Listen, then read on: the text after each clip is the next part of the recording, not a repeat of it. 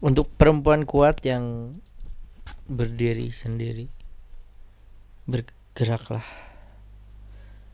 Sampaikanlah berita duka dalam hidupmu kepada orang lain untuk berbagi kesedih bukan untuk menyebabkan orang benci bukan untuk menyebabkan orang marah tapi untuk berbagi agar ceritamu menjadi ceritaku dan ceritaku menjadi ceritamu. Begitulah hidup. Agar kita mengkoneksi, maka kita harus selalu bersilaturahim. Yuk apa kabar semuanya? Balik lagi bersama saya Akbar Maulana di podcast Retorika saja untuk episode ke-8 season kedua ini ya seperti biasa ya di hari Rabu yang biasanya harusnya tayang tiap hari Rabu kini jadi hari Kamis saya rekamannya dan apa kabar semuanya? Uh, baik aja di untuk uh, sebulan kayaknya ya kayak, kayaknya sebulan dari uh, wabah virus corona yang menyebabkan libur sekolah ini ini udah libur sekolah selama sebulan gimana? Gimana kehidupan kita ini hmm, banyak hal yang mulai kangen gitu ya jadi mulai bernostalgia dan betapa mengerikannya keadaan ini gitu. Mulai banyak yang mulai khawatir dengan apakah e, virus corona ini akan segera berakhir pandeminya. Karena katanya ya e, di negara-negara lain yang lebih dulu kena. Maksudnya kasus pertama gitu belum ada yang selesai gitu. Maksudnya masih Korea misalnya dia lebih dulu ada Korea Selatan lebih dulu ada. Sampai sekarang tiap hari masih ada pasien yang apa yang yang nambah gitu. Nggak hampir hampir jarang ada kasus yang tiap harinya nggak bertambah gitu di tiap negara. Pasti di tiap negara yang dari awal gitu bayangkan ya dari sem apa tahun 2019 akhir gitu kalau nggak salah. Nggak tahu udah Januari awal. Sampai sekarang masih ada pasien yang bertambah. Padahal itu udah empat atau lima bulan. Nah bayangkan Indonesia baru sebulan nih. Baru sebulan kalau nggak salah ya. Seming pokoknya bulan Maret awal deh eh, pasien itu dat apa ditetapkan pasien pertamanya dan baru sebulan gitu ya mungkin aja gitu. Maksudnya akan terus bertambah tiap harinya. Yang tergantungnya bertambahnya berapa gitu? Apa 300 100 200 50 80 ya tergantung hasil apa ke sebanyak-banyak tesnya sebanyak-banyaknya tes yang dilakukan. Jadi perkiraannya mungkin sampai bulan Juli sampai bulan Juni. Dan mungkin bisa sampai lebaran kita kayak gini. Dan mungkin ketika lebaran kita merasa sedih kenapa kita nggak bisa merayakan sholat id dan mungkin kita nggak bisa sholat taraweh dan kita nggak bisa apa pun bersama-sama gitu nggak bisa bersama-sama lagi. Kayak jadi individual gitu. Dan kemudian kita merasa harus apa mengingat-ingat kenapa hidup ini seperti ini gitu. Kayak bergerak cepat gitu. Kayak kemarin tuh nggak kayak gini terus sekarang kayak gini gitu. Kayak mengerikan mengerikan gimana gitu. Mulai-mulai nostalgia tentang masa lalu tentang kebiasaan-kebiasaan yang dulu dan sekarang yang berubah karena virus corona ini ya banyak hal ya. Kayak misalkan jadi rajin cuci tangan. Kalau dulu nggak ada tuh orang cuci tangan. Makan. Makan aja paling kita biasanya Minum-minum. Kita cuci cuci tangan bahkan bisa pakai embun air dingin gitu.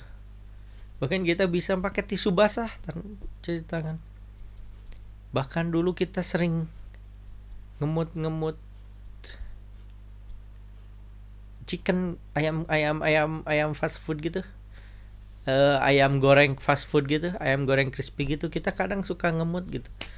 Kita nggak gak cuci tangan gitu. Nah, sekarang tiap orang cuci tangan. Dulu nggak ada pakai hand sanitizer. Dulu nggak ada yang punya hand sanitizer.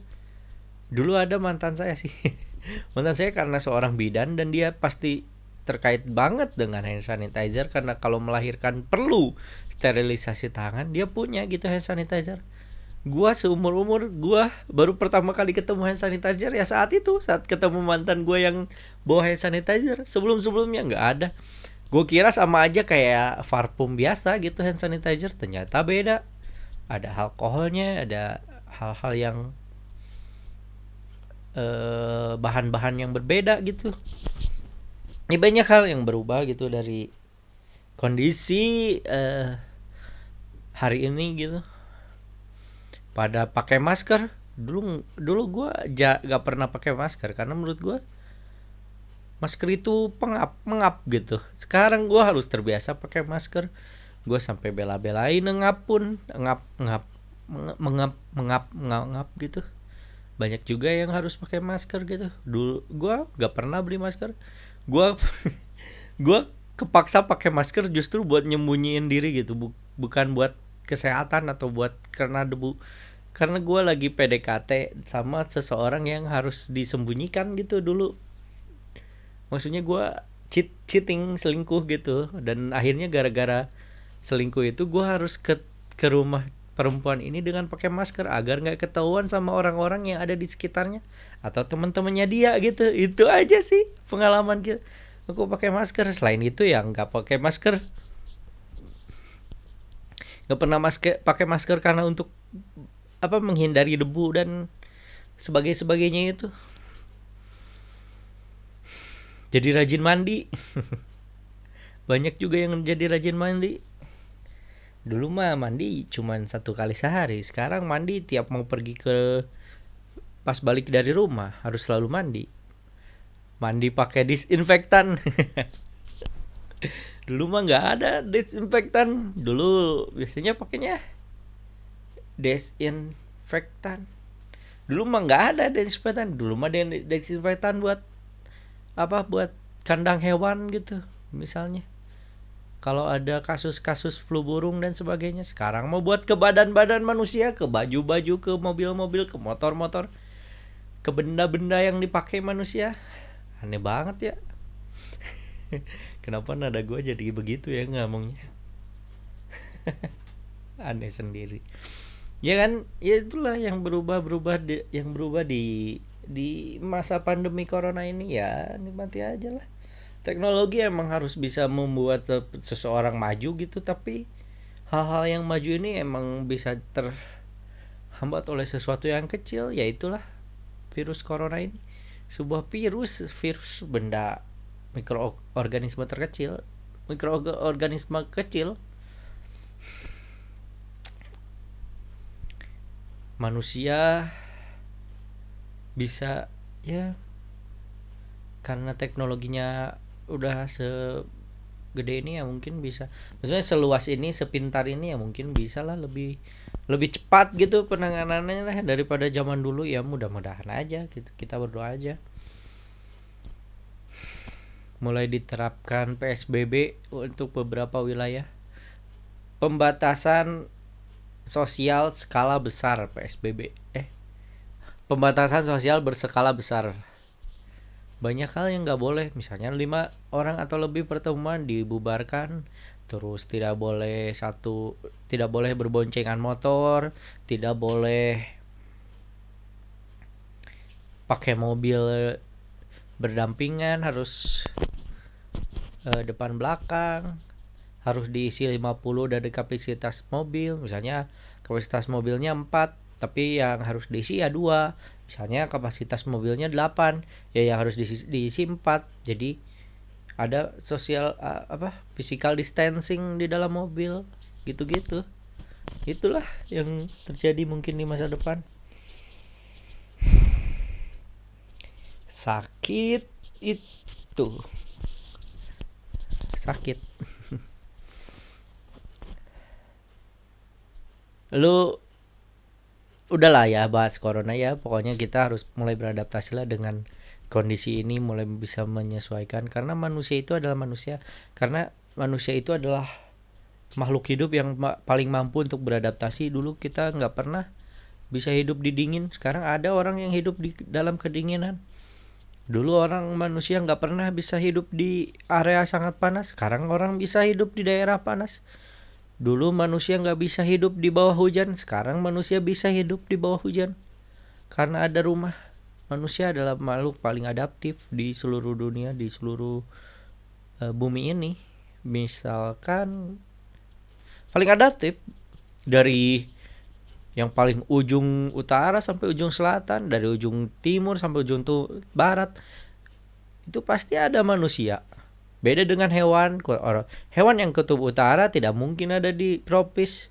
Hewan yang di tropis malah mungkin ada di kutub utara, tapi nggak tahu ya. Kalau dicoba mungkin dia akan beradaptasi lebih cepat, eh lebih mud, lebih bisa beradaptasi dan kemudian pada akhirnya bisa menemukan evolusi evolusi hewan yang mengakibatkan dia lebih mudah beradaptasi dengan kondisi cuaca.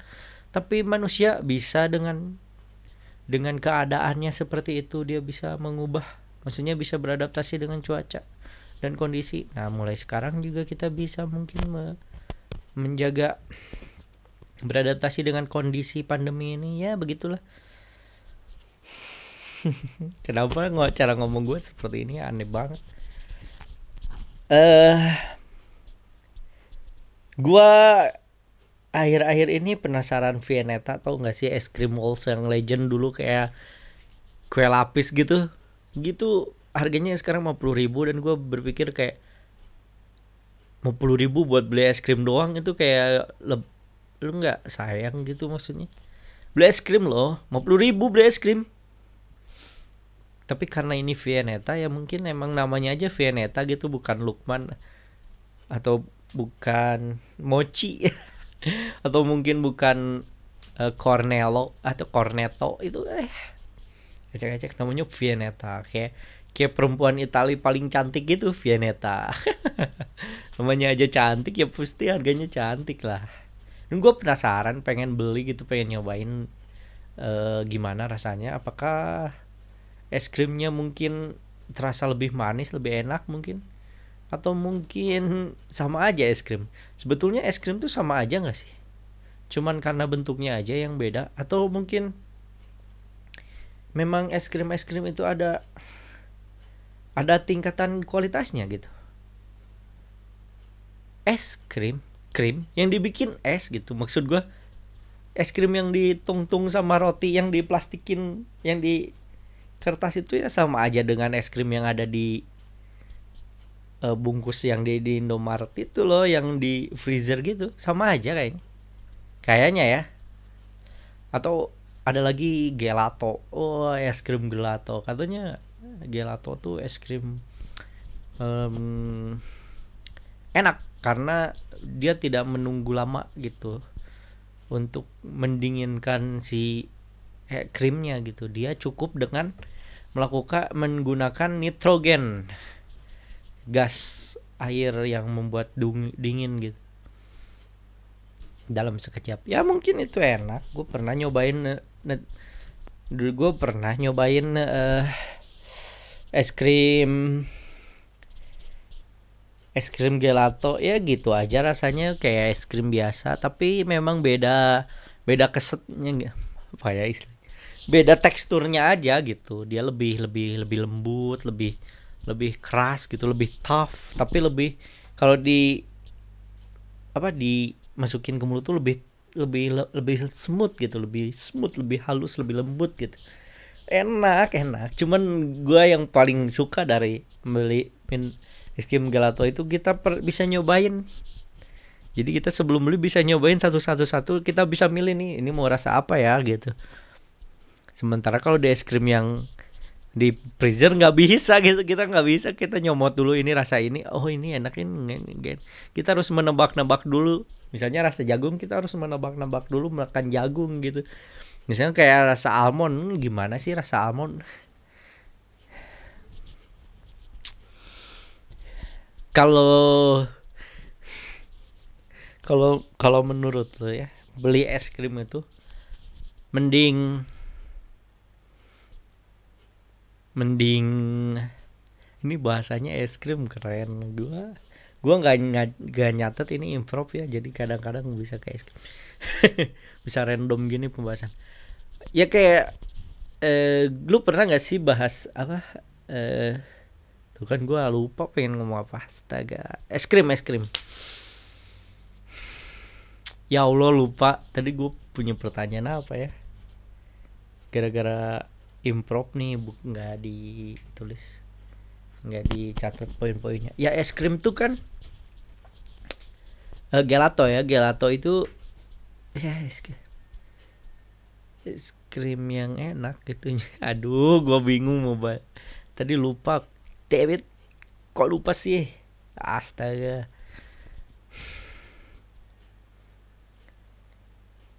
Astagfirullah ben asli lupa gue eh ya es krim pianeta ya. Itu gue penasaran banget rasanya gimana.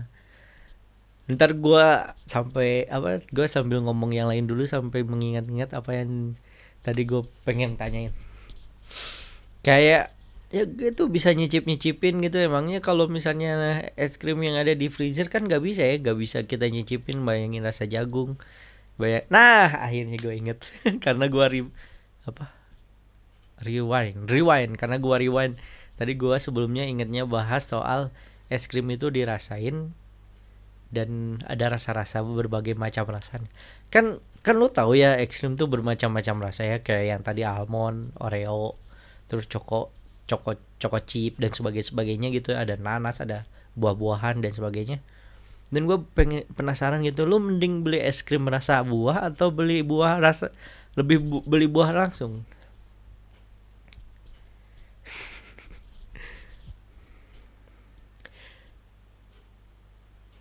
kenapa kita memilih beli es krim daripada kita beli sesuatu yang sebetulnya kita pengen gitu? Mungkin mungkin nih ya. Mungkin menurut gua karena es krim itu kan udah dicampur gitu. Rasa itu cuman penambah rasa. Tapi si ya ya maksudnya es krim strawberry sama strawberry asli ya beda rasanya ya tapi maksud gue sehat mana? Ya sehat strawberry lah daripada es krim. Tapi gue pengen nyicip es krim karena apa? Karena dinginnya oke? Okay? yang pertama tuh karena dingin ya pasti menurut gue karena kalau nggak mau dingin ya ngapain beli es krim? Beli yang gak dingin aja gitu. Es krim tuh enak dingin oke? Okay? enak itu dinginnya. Kayak yang kedua tuh segar manisnya itu. Itu kalau es krim asin tuh aneh sih. Tapi tapi maksud gue kalau misalnya nih ada es krim yang terbuat dari rasa man rasa asin lu emang mau beli? Min deh es krim rasa min lu mau beli? Gue sih enggak sih.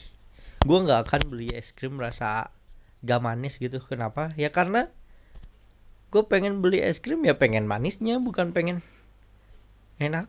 Nggak apa yang an, yang lain-lain rasanya. Emang menurut lo coklat itu ya coklat batangan yang nggak pakai gula dan gak jadi dan dijadiin es krim emang enak? Enggak loh.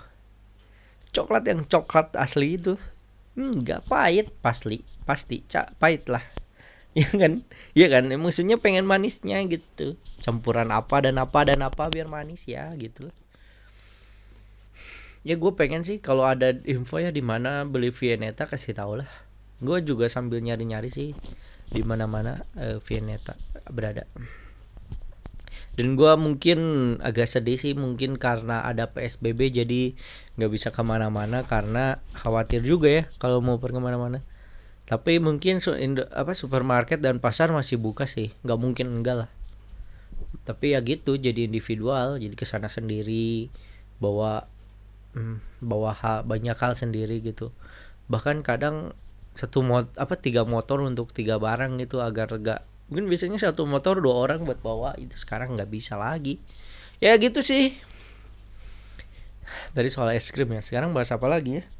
Udah 19 menit, wah gokil. Bahas es krim doang bisa sampai eh semua tadi sih banyak perbedaan hidup corona dan tidak corona. Budaya corona dan tidak corona. Iya, lu lu masih inget gak sih kasus yang uh, orang nge di di kereta itu itu itu itu adalah contoh bagaimana sebuah sebuah tragedi bisa menjadi sebuah komedi gitu.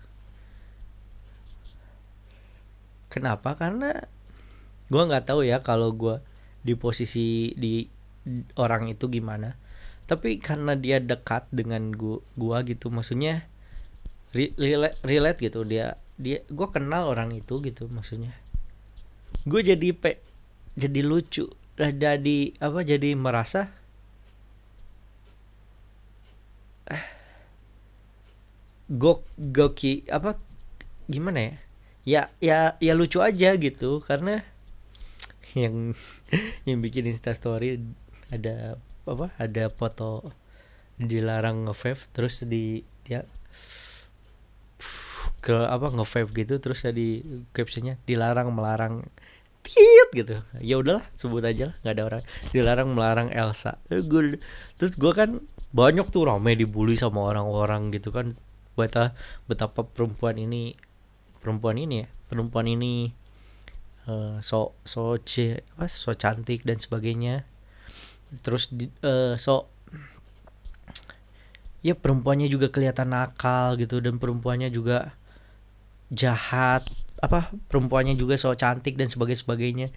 Dan gue dan gue saking lucunya adalah ada berbagai orang yang memanfaatkan hal itu untuk menemukan apa untuk membuat berita dari situ. Dan gue lucu banget asli asli. Maksud gue gara-gara kejadian itu kan viral akhirnya banyak orang yang menghujat dia. Tapi dari menghujat itu banyak hal yang lucu gitu. Dan gue nggak tahu ya gue nggak gue sih ngelihatnya dari luar ya. Jadi gue nggak tahu apa yang apa yang berdampak pada si Elsa ini. Tapi menurut gue si Elsa ini nggak ber apa berdampaknya hampir hampir bisa hilang dalam waktu yang tidak cukup lam, lama gitu. Jadi sebentar aja hilang gitu dampak dari traumanya dari rasa sesalnya kenapa? Karena pertama dia nggak disanksi doh dia nggak disanksi untuk apa? Padahal banyak tuh yang bilang kayak udah dia disanksi aja setahun nggak boleh naik kereta atau selama umur hidup nggak boleh naik kereta api gitu. Tapi dia enggak dia bilang klarifikasi minta maaf dia maaf mengaku bahwa itu kelalaiannya dia. Akhirnya dia eh, bikin postingan di IG dengan ketemu PTKI akhirnya damai gitu.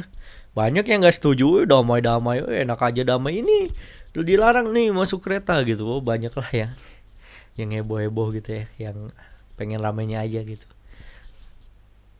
Sampai orang-orang yang terkenal kayak Pajar Nugros yang punya miniatur kereta api sutradara yang punya miniatur kereta api aja komen ini wow dilarang melarang Elsa. Elsa oh itu sebagai moya wah pokoknya ada komentar lah. Ini pokoknya harus disanksi minimal satu tahun nggak boleh naik kereta katanya kata Pajar Nugros ya itulah ya hukumannya. Terus yang jadi dramanya itu adalah gini. Setelah dia melakukan itu viral masuk koran dan sebagainya dia buat berita bahwa si si Elsa ini bertemu dengan petugas KAI yang e, menganggap bahwa masalahnya udah clear cuman ditegur aja dan pokoknya kamu udah bebas pokoknya itu tegurannya buat aku aja gitu ada petugas itu yang bilang bahwa KAI udah menyelesaikan masalahnya dengan Elsa itu. Tapi kata pihak KAI dengan ini admin medsosnya mengatakan bahwa hal itu hoax. Jadi postingan yang Elsa buat tentang klarifikasi antara petugas KAI dan di dirinya Elsa. Mungkin ya, ini mungkin ya. Jadi waktu kejadian viral itu jadi viral itu nih pas dia nge itu terus banyak tuh hujatan. Terus dia nanyain dong sama temennya yang mungkin kerja di KAI eh gimana nih? Gue gak enak nih minta maaf ya. Banyak klarifikasi lah bilang sama bosnya bos dan sebagainya gitu.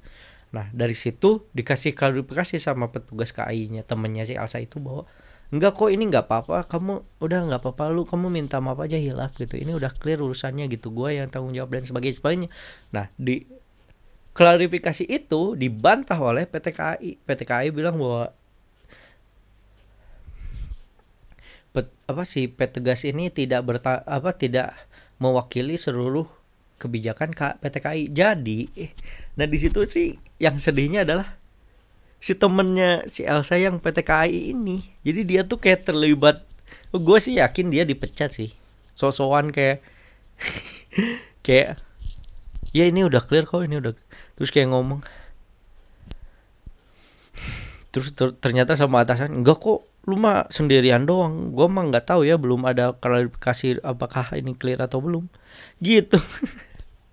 Gue yakin sih dia sedih sih udah dan gue yakin sih laki-laki itu gue ber, berasumsi si petugas KAI yang mengklarifikasi itu laki-laki dia tuh tergoda oleh si Elsa yang cantik. Jadi kayak eh tolongin dong gue tuh. Jadi kayak ya udahlah gue tolongin lah gue sebagai petugas KAI yang mengaku deh gini gini gini. Itu tuh lucu men. Itu gue tuh kayak banyak orang yang kayak gitu gitu yang berusaha mengatakan berusaha berempati. Habis itu akhirnya ketemu PT KAI kan akhirnya apa minta maaf dan sebagainya. Dan meskipun itu harusnya disanksi ada sanksi lah minimal tiga bulan misalnya nggak boleh naik kereta api dan sebagainya mungkin aja ya. Habis itu adalah hujatannya itu kepada dia yang mengakibatkan apa? Follower dia naik gitu.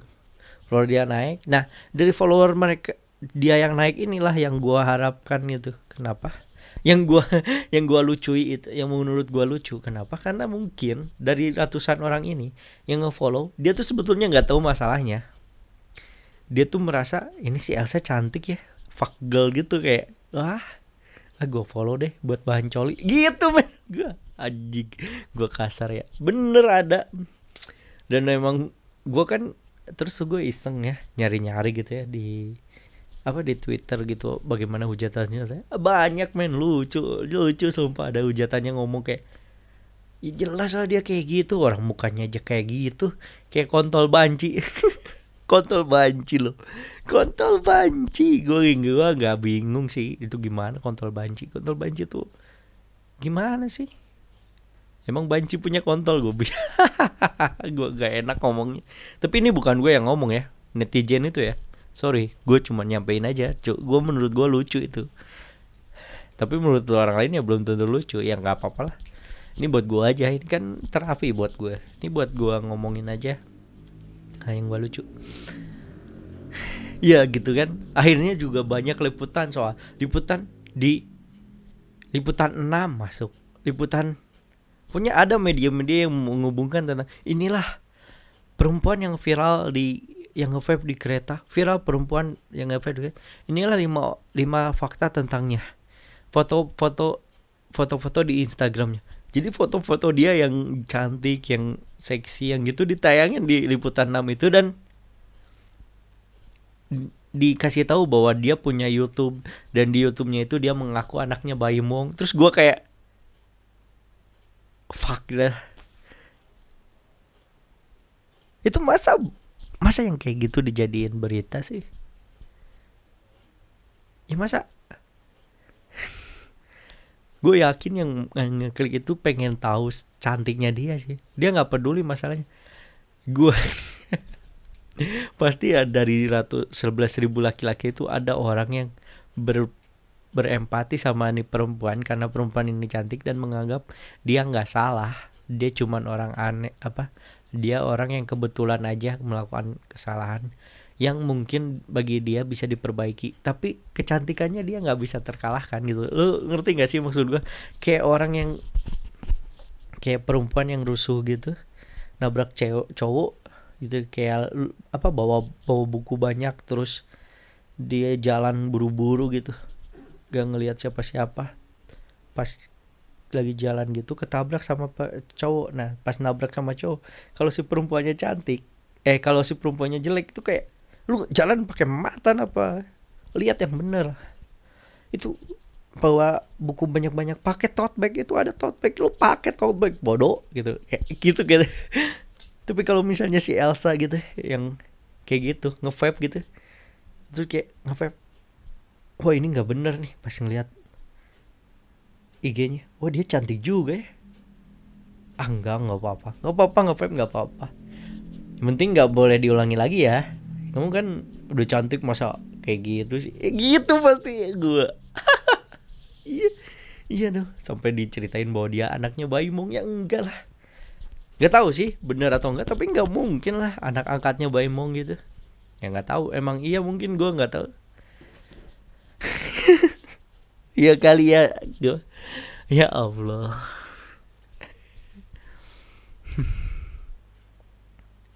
Iya loh iya iya pasti banyak tuh yang lumayan nih. Kayak ngelihat Elsa gitu mujat ini apaan sih viral-viral dia nge-vape? Ah lihat ah IG-nya mau ngehujat juga. Pas mau ngehujat lihat scroll scroll ternyata cantik juga ya. Ah lumayan lah buat nambah bahan coli gitu. Jadi mau menghujatnya nggak jadi gitu karena kecantikan Elsa. Gue yakin ada tuh yang kayak gitu yang kayak gitu ada pasti. Ya ampun. Tapi kalau gua kalau gua kalau gua ya gua enggak lah. Ngapain gua ngelihat kecantikan dia ya kan? Karena gua sebelum kejadian itu udah udah lihat kecantikan dia dan nge-follow dia sih jadi nggak ada kejadian itu pun gue tetap follow dan tetap nikmatin dia. Jadi gue lebih menganggap kayak ya udah sabar lah ya kasihan lah kamu kayak gitu syukurin makanya jangan. Gue sih nggak ada intensi untuk menghujat gitu. Beda kasus misalnya kalau tapi gue agak sedih sih ngakuin ini. Ya udahlah nggak jadi. Tapi kalau misalnya tapi gini pertanyaan untuk lo kalau lo punya keluarga nah keluarga lo ini korupsi di penjara. Itu salah keluarga lo kan? Lu bersedih atau menghujat? Itu sih poinnya. Kalau lu merasa itu keluarga lu lu tuh ada intensi untuk menolongnya daripada untuk me menghujatnya gitu. Padahal yang dilakukan dia salah tapi kita lebih punya empati untuk mengingatkan karena dia keluarga kita gitu. Meskipun dia koruptor gitu. Tapi karena dia keluarga kita keluarga saya misalnya keluarga saya ya ya ya intensi untuk menghujatnya ya di stop dulu lah. Kecuali koruptor lain gitu loh. Ya kan nggak tahu sih kalau lu kalau lu menurut menurut lu gimana kalau lu saudara lu atau siapa lu gitu menghujat lu bakal kayak gimana bakal meng, apa eh kalau saudara lu melakukan kejahatan lu bakal gimana menghujatnya atau enggak itu sih poinnya Ya nggak sih? Oke, segitu aja deh. Untuk podcast kali ini 32 menit seperti biasa. Saya mau ngoceh-ngoceh. Dengan tiga poin topik utama tadi. Sampai ketemu di podcast selanjutnya. Jangan lupa tetap di rumah aja, jaga kesehatan, jaga kondisi, pakai masker kalau keluar rumah. Dan ingat ya kalau pergi keluar rumah juga bawa hand sanitizer bawa bawa hand sanitizer agar apa? Agar tiap megang sesuatu bisa pakai hand sanitizer. Dan kalau misalnya pulang dari rumah langsung mandi langsung cuci tangan agar uh, bisa bersih ketika sampai rumah. Itu aja. Tetap uh, jaga kesehatan dan sampai kita ketemu lagi di podcast retorika saja karena ini hanya sebuah retorika. Dadah